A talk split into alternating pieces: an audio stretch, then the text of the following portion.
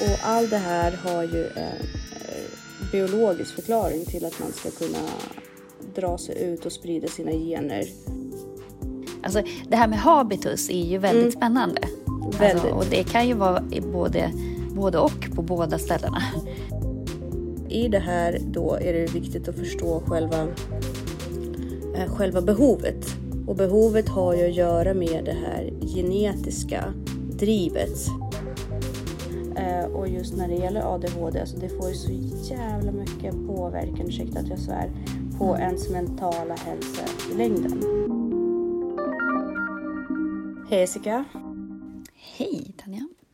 Hur mår du? Hur har du det? Ja, jag mår bra.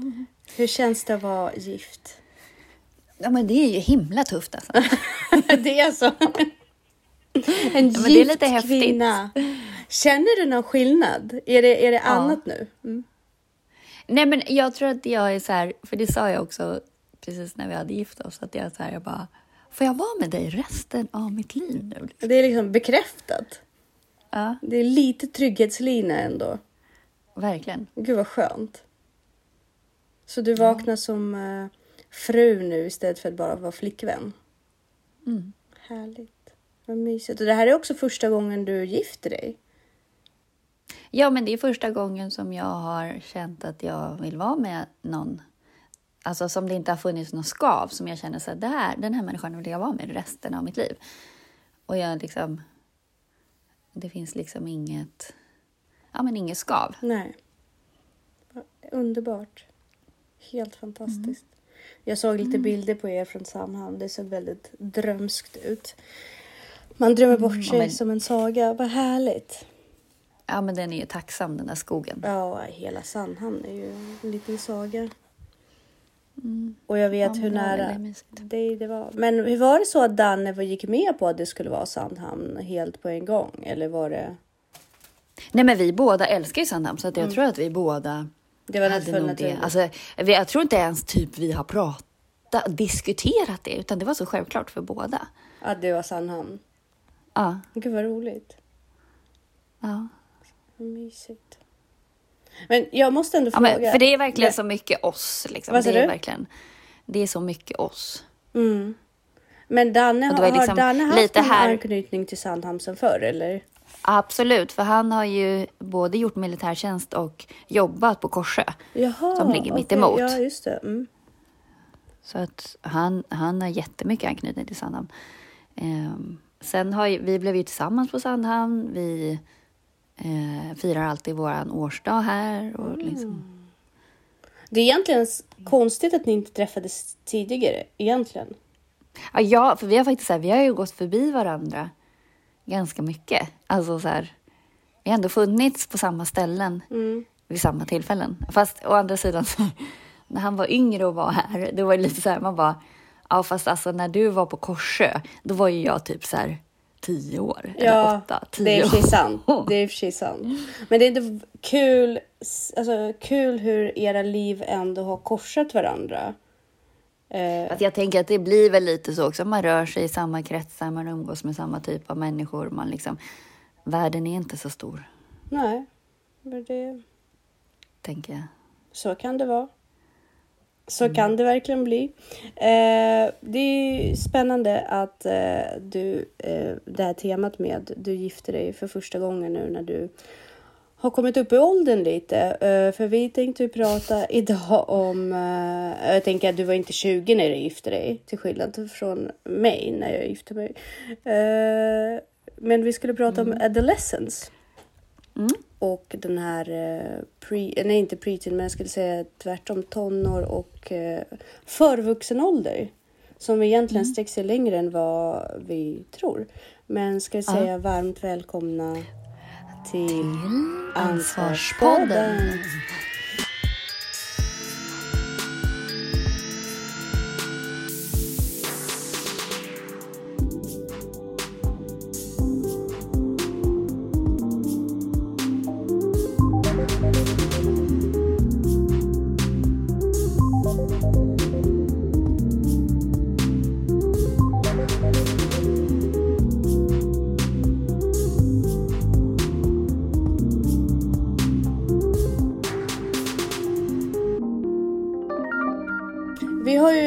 En artikel som du skickade till mig eh, psykolo eh, från psykologi, en psykologitidning och eh, de pratar väldigt mycket om hur hjärnan är beskaffad på ett så unikt sätt att i tonårsåldern när man börjar bli könsmogen egentligen, att ens kemi förändras och att man blir mycket mer eh, nyhetssökande. Man eh, får mycket mer dopaminpåslag av nya upplevelser, nya saker och sådär. Och eh, det här är ju någonting som också diskuteras väldigt mycket i eh, boken Från duktig flicka till utbränd kvinna. Mm. Eh, just det här temat om hur i tonåren man får naturliga ADHD-vibbar. Liksom. Man blir, nej, men det, det är ju lite så att eh, det, det har ju väldigt mycket att göra med dopamin. Och att dopaminpåslag kommer när man söker sig till nya upplevelser. Gärna farliga, men inte bara. Och just det här med att skaffa nya relationer, det blir så extremt roligt och viktigt.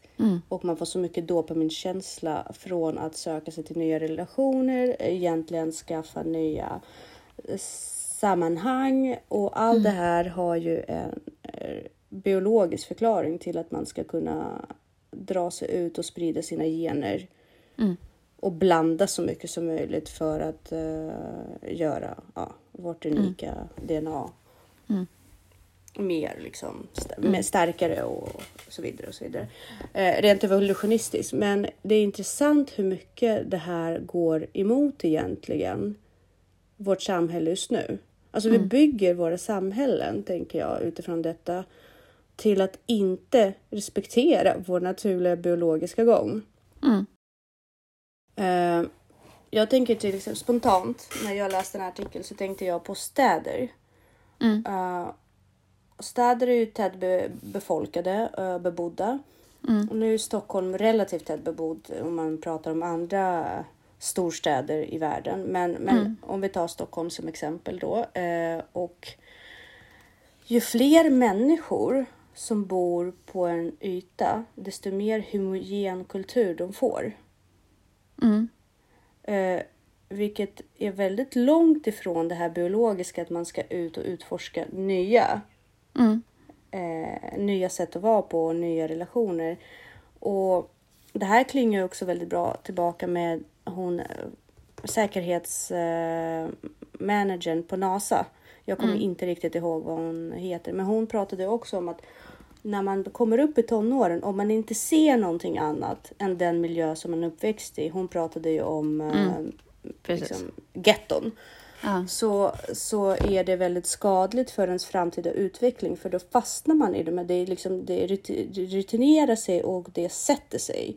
Och hjär- mindset blir liksom fastcementerad i att världen ser ut så. Men det är också farligt, eller liksom det, det kan du faktiskt ofta se, för att i de här formativa åren, man fastnar ju där lite. Det är lite där ens personlighet sätter sig och det är där man är trygg sen. Och det ser man ju, man ser ju direkt på vuxna människor. Alltså om du tittar på var och varannan kompis du har, så kan du utifrån vilken musik den lyssnar på och vilken klädstil den har, så kan du säga när dens formativa år var.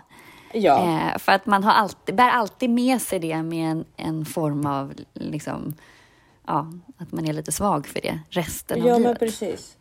Precis.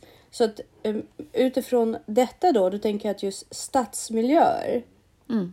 de, det kan ju både vara positivt men det kan också vara väldigt negativt. Självklart om man lever i en mm, lite större megapolis och, som New York till exempel eller Paris eller där man faktiskt har möjlighet att utsätta sina barn för olika kulturer, olika museum, olika evenemang. Den, förutsatt att ekonomin funkar så kan ju det vara till en fördel för då är det väldigt mycket kultur som är fokuserad på väldigt liten yta. Men oftast är det inte så. Nej. Oftast handlar det väldigt mycket om att man, man fastnar i en väldigt specifik socioekonomisk klass och det är där man sen bygger sitt liv. Så man ser inget annat. Å andra sidan, om man drar det här ut på landet så är det precis samma sak. Eh, tänker, jag tänker här, för här är ju barnens största möjlighet till umgänge och tonåringar, det är ju skolan. Det är så de lär känna varandra för man bor så långt ifrån varandra så spritt. Å andra sidan så hinner de forma sin egen personlighet mycket mer. här ute utan att behöva basera sig på hur det ser ut på andra ställen därför att man lever så långt ifrån varandra. Mm. Så man möter varandra så är man, tror jag, det här är bara en idé jag får utifrån den här artikeln, mycket mer, alltså det, man är mycket mer olik varandra mm. än man kanske är i, på ett ställe där man hela tiden ser folk gå förbi och tar upp samma mode och liksom mm. Vad tror du? Jag tror både och. Alltså jag tror att i ett litet samhälle så är man ju mycket mer påpassad, eller vad man ska säga. Eh, men eh, ja, alltså man kan ju bli dömd väldigt hårt i ett litet samhälle också, samtidigt som mm. det kanske finns större acceptans för att vara sig själv. Samtidigt som i vissa delar av stan så är ju det... Alltså det här med habitus är ju väldigt mm. spännande. Väldigt. Alltså, och det kan ju vara både, både och på båda ställena, tänker jag. Mm. Ehm, så att... Svår fråga. Liksom. Ja, och det, det, den svåra frågan går ju från habitus också till hur vi formar våra relationer. Mm. I dagsläget, eller om vi säger så här, när du och jag växte upp var tonåringar. Mm. Våra modeller för hur man bygger familj, var, eller förebilder, det var ju ändå våra föräldrar och deras vänner. Mm. Uh, ja, folk skilde sig, folk var säkert otrogna.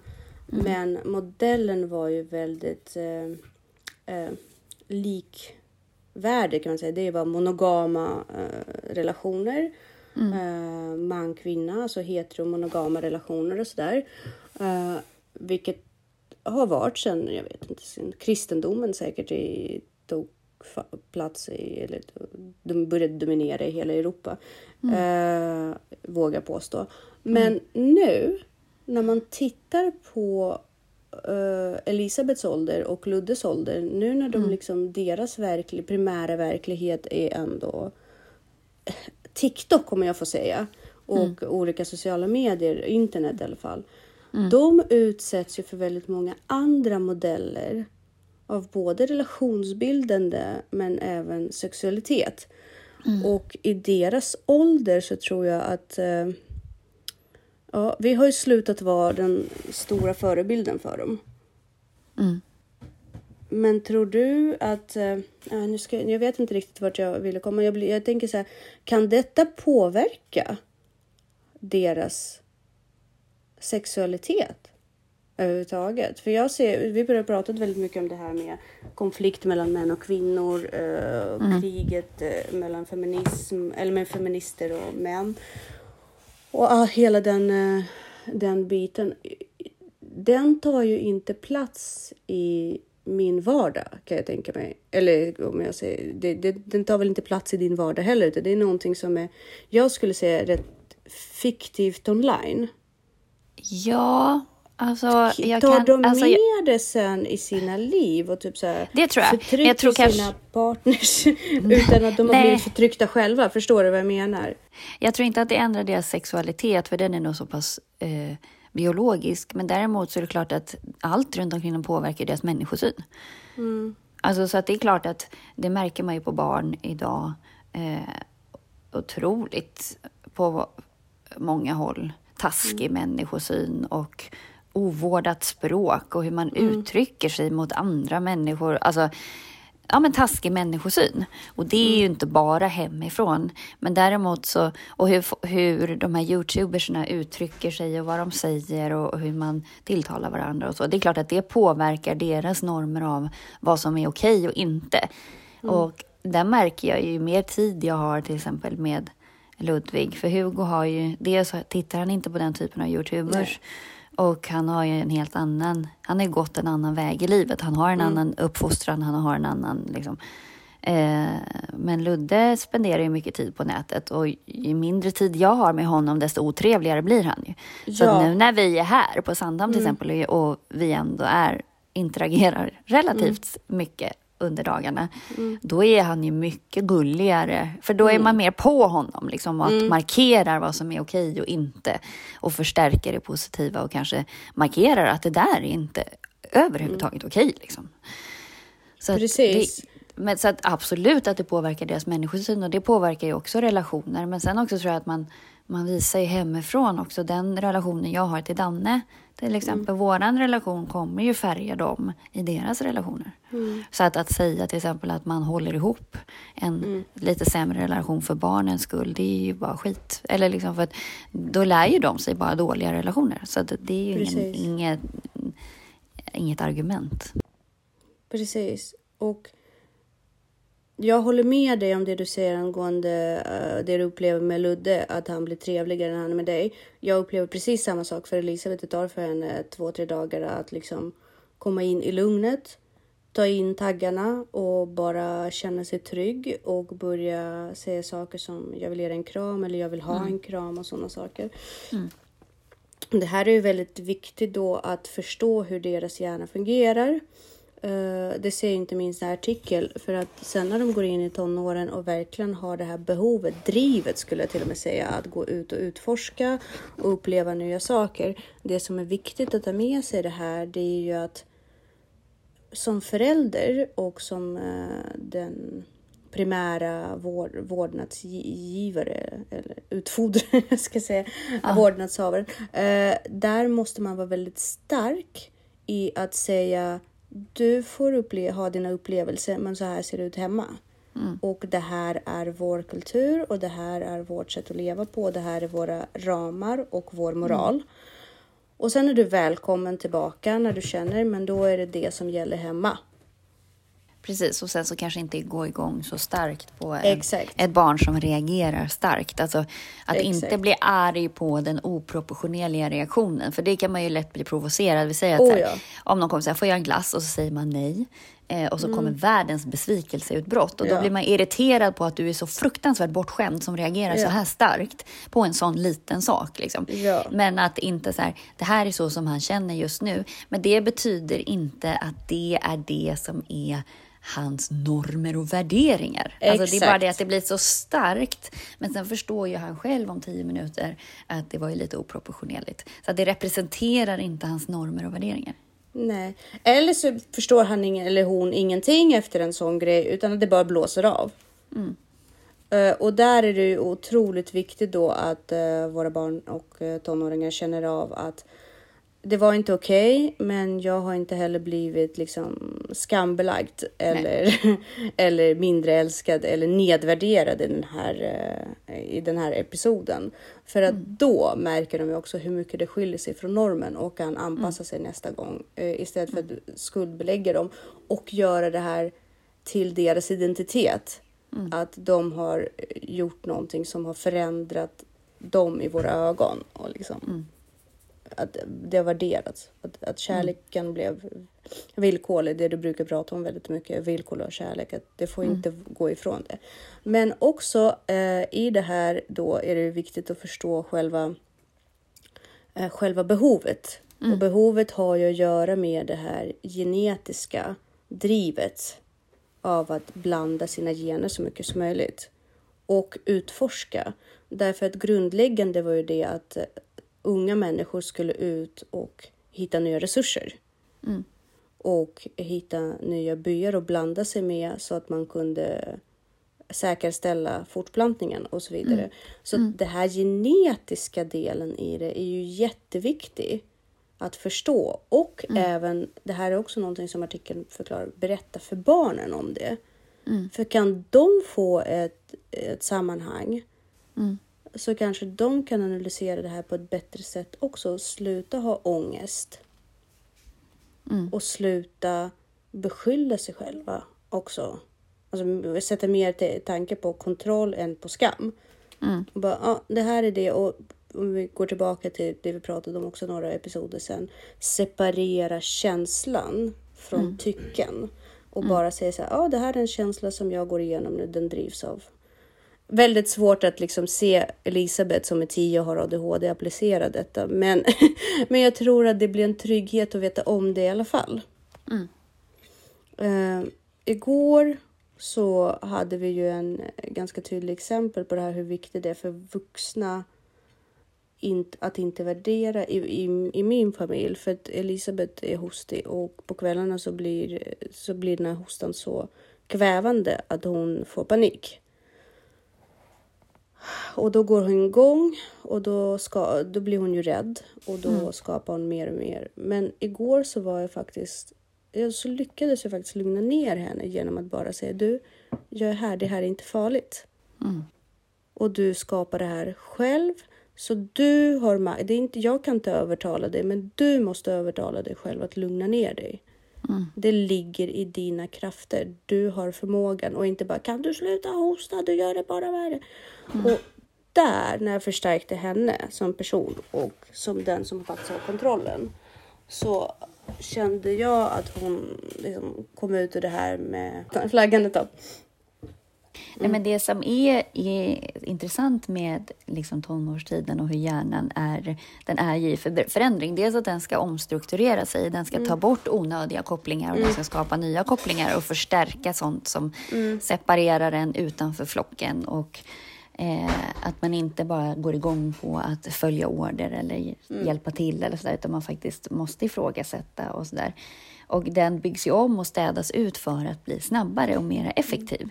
Eh, och det får man liksom inte glömma bort. De gamla kopplingarna minskar ju för att ersättas av rationella system och öppna upp för ny inlärning. Eh, så att det är verkligen... Det händer ju grejer och dessutom med hormoner på det och som du var inne på här med dopaminet som är till för att trigga eh, Eh, belöningssystemet så att mm. man verkligen ska gå igång på nya saker. Och där fastnar ju tonårshjärnan lätt i sociala mediers mm. liksom belöningssystem och just det här att till, hitta nya flockar och tillhöra dem och, mm. och så. Så att det är ju verkligen... Man måste ju ha förståelse för att tonårshjärnan fungerar på ett annat sätt. Eh, och också börjar ersättas med mer vuxna relationer och, mm. Och så. så att, um... Ja, precis. Och där att man, man liksom i det här flödet, det är bra, ganska bra att förstärka, förstärka hela tiden känslan av att du har kontrollen. Det är du som formar det. Det är mm. du som kommer välja din väg och inte bara när barnen har så lätt så här, det, det här hände det här hände, nej, du har gjort det. Det här hände mm. inte och förklara hela tiden varför så de har det här konsekvenstänkande med sig. Mm. Och att de inte känner sig som offer för omständigheterna vart och varannan gång de hamnar i skiten. Så de faktiskt kan söka sig bort från destruktiva beteenden och inte bara se sig själva att följa med strömmen. Bara mm. för att ah, nej, men jag tyckte att det här verkade spännande och sen så hände det här. Och, men, så att de verkligen kan analysera också och att man mm. går tillbaka med dem. Men att man hela tiden är med dem i den resan hellre än att vara liksom, mm. förbjudande makten eller på något sätt diktatorn. Ja men precis, just det här med intoning och, och närvaro. Mm. Precis, för att det, det vi ska vara är ju att vi ska vara känsloreglerande, men vi får inte förbjuda. Och vi Nej. får inte, utan vi måste på något sätt hjälpa dem att ankra de här känslorna och mm. vara en trygg hamn. Mm. Eh, som det också sägs i den här artikeln, snarare än att vara någon som på ett auktoritärt sätt mm. lär dem livet. Och det känner jag igen väldigt mycket från min uppväxt. Det var väldigt mycket auktoriteter. Mm. Och man hade viss igenkännelse för det här tonåringar ska vara rebeller, men det var så här ja, ja, gulligt, men nu är det så här. Ja, men man förstår inte varför den här rebelliska Nej, liksom. Ja. Och det, så ska det vara med tonåringar, så ska det vara med ungdomar. Men de går faktiskt igenom en väldigt viktig biologisk process. Men eh, jag vill också poängtera ut att det här är ju... Jag har inte kommit bort från det. Det har börjat lägga sig, men jag har inte kommit bort från det. Och jag tror att det är mycket tack vare liksom då, min diagnos. Och, ja, men det som är just med din diagnos, det är ju att en tonårshjärna Alltså hjärnan växer ju mm. bakifrån och framåt och det är ju i längst fram som konsekvensanalysen sitter. Och där ser man ju just på ADHD-hjärnan att den eh, blir antingen sämre utvecklad eller inte utvecklad alls. Det är det som är ADHD, mm. liksom, att man inte riktigt kommer ut tonårshjärnan. Uh, exakt, och där är det också väldigt viktigt med den här kunskapen om medicinering till exempel, eller idrott eller mm. rätt kost blir det så himla viktigt att förstå redan från början därför att jag upplever att lugnet som jag har fått sedan jag börjat medicinera och idrotta och eh, mm. eh, ha en annan livsstil kring mig har ju gjort att jag faktiskt Mm. har kunnat landa och börja tänka innan jag agerar. Mm. Och det har ju på något sätt hjälpt min hjärna att eh, jag vet, inte, utveckla, ska jag inte säga, men mogna. Därför att jag har skapat förutsättningarna för den att faktiskt gå tillbaka till det här att kunna analysera saker med hjälp av medicin. Och, eh, men jag började ju väldigt sent. Mm. Jag tror att om man börjar tidigare och eh, även sätter in medicin mycket tidigare ifall det behövs så går det ju att uppnå den här mognaden mycket fortare och det är där, det är där jag, jag har känt att eh, ADHD behöver inte bli en diagnos om Nej. tendenserna blir uppmärksammade och justerade redan från början. Precis, för det är det som, du får ju bara en diagnos om du har problem. Precis. Alltså om det ställer till din vardag. Precis. Eh, och där måste man som vuxen vara väldigt liksom när man är nära en tonåring, nära ett barn. Måste man finnas där. Och får man de problem så ska det inte heller ta för lång tid att få den hjälpen. Därför att eh, det, liksom, då är det viktigt att man som förälder bara accepterar det. Därför att jag tror att ju fortare man påbörjar resan, desto snabbare man kan läka och återkomma. Eh, och just när det gäller ADHD, alltså det får ju så jävla mycket påverkan, ursäkta att jag svär, på ens mentala hälsa i längden. Mm. Jag kan ju, alltså nu har jag fått körkort, jag har köpt ett hus, jag håller på att renovera. Jag känner att jag har fått väldigt mycket saker som har gjort att jag har blivit väldigt bekräftad som vuxen och i min ansvarsfulla vuxenroll.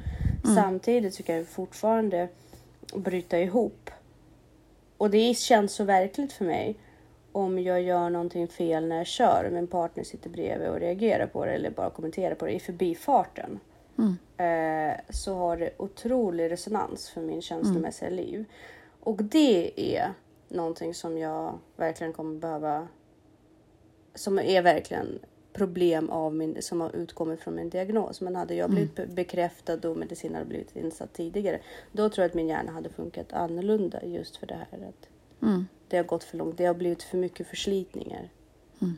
Och det har blivit för mycket reaktion. Men ska vi ta den här då eh, intressanta konceptet och applicera det då på hur våra relationer ser ut. Eh, Och utifrån hur det har varit när vi växte upp och det monogama heltidsförhållande dominerade till hur, eh, hur vi behöver leva idag. För att idag har vi inte det här att vi är beroende av varandras ekonomi på samma sätt. Eller det finns ju fler möjligheter att inte vara beroende ekonomiskt av varandra.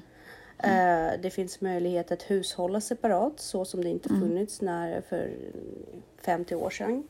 När kvinnorna började sin frigörelse eh, från det för, familjekärnan och sådär. Eh, och hela den biten med vår hjärna, särskilt om man har fostrat den att söka sig till nya saker, särskilt om man har fostrat den till utveckling och att hela tiden bryta rutiner. Eh, livslångt förhållande, ett livslångt förhållande, är det rimligt? Och hur fort eller så hur eh, Jag tror att det är, det är absolut rimligt om du väljer rätt. Men det är väldigt svårt att välja rätt. Eh, dels måste du känna dig själv. Eh, du måste se exakt vem det är du har framför dig. Du måste ha en pågående kommunikation hela tiden. Eh, och du måste ha en ganska bra ödmjukhet och självinsikt. Då tror jag absolut att, att en relation håller ett helt liv. Eh, men träffar du någon för tidigt eh, så är det klart att då känner man sig inte själv. Och liksom, alltså, sen så är det säkert så här, vi, det är väl inget fel med att, att resa med flera personer under ett liv heller. Men jag tror att, och man vet ju inte så man måste ju testa sig fram. Men när man väl bestämmer sig, då gäller det ju att man väljer rätt. Eller att man inte bestämmer sig förrän det... Alltså, en relation ska ju inte ha något skav, punkt. Och då menar inte jag att man inte är oense eller så. Men med skav menar jag att man alltid kommer ut och har löst allting.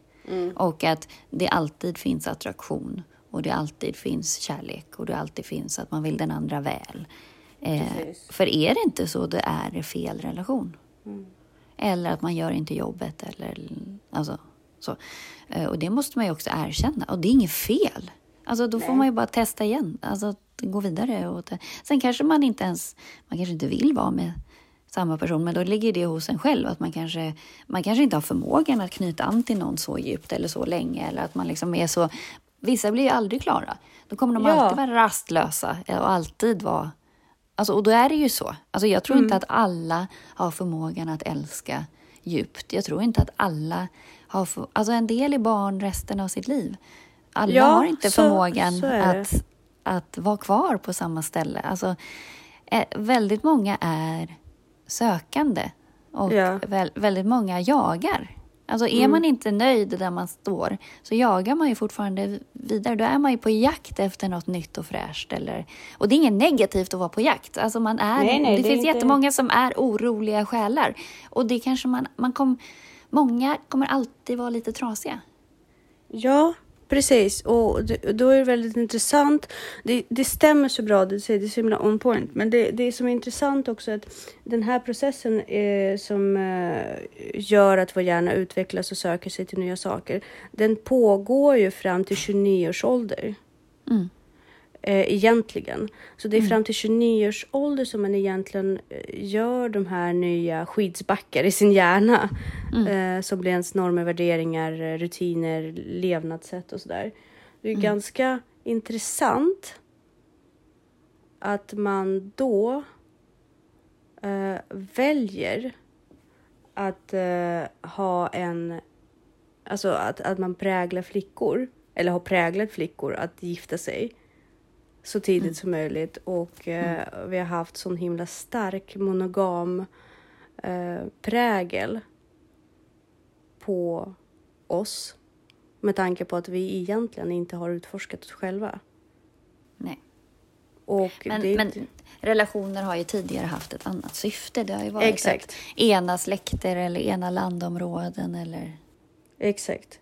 Så det, men det, det, är bara att konstatera, det är självklart att världen förändras och sådär, men eh, och hur, hur man förhåller sig till relation, livslånga relationer är också uh, annorlunda idag. Men det är så oerhört viktigt att uh, känna sig själv när man ger sig in i uh, en relation som man tror ska var, verka livet ut. Det är jättesvårt för att jag var ju, jag var 20 när jag gifte mig. Och jag var en helt annan person. Jag var inte ens en person. Jag var ett barn. Alltså jag träffade mitt ex när jag var 16. Jag vet mm. inte. Det var en lång resa, men jag, jag... Nu när jag tänker tillbaka, det är helt absurt att mm. eh, den hade plats. Mm. och att den höll så länge den höll egentligen också. Och jag är otroligt glad att jag påbörjade den här resan om att faktiskt eh, lära känna mig själv. Och inte fastnade i någonting som inte gjorde något, någon gott egentligen i längden. Mm. Nej, men sen också så här, det är ingenting som inte var meningen. Alltså man, Nej, man det tror jag inte. Går ju, reser ju med olika personer mm. för att lära sig olika saker, så att allt Absolut. har ett syfte. Absolut, så är det ju. Uh, ja, så tänker jag. Ja.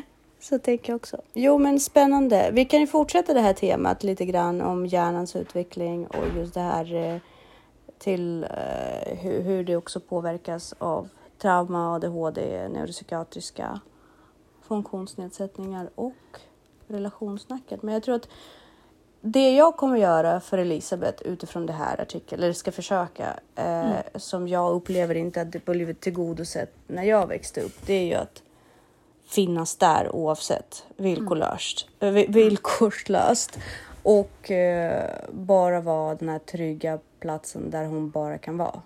Mm. Uh, och där det finns regler, men där det också finns kärlek. Där, där mm. hon kan liksom på något sätt defaulta sig själv, defaulta sin känslotrygghet på något sätt. Mm. Jag tror det är där vi kommer landa. ja, toppen. Kram. Ha det. Hej. Hej.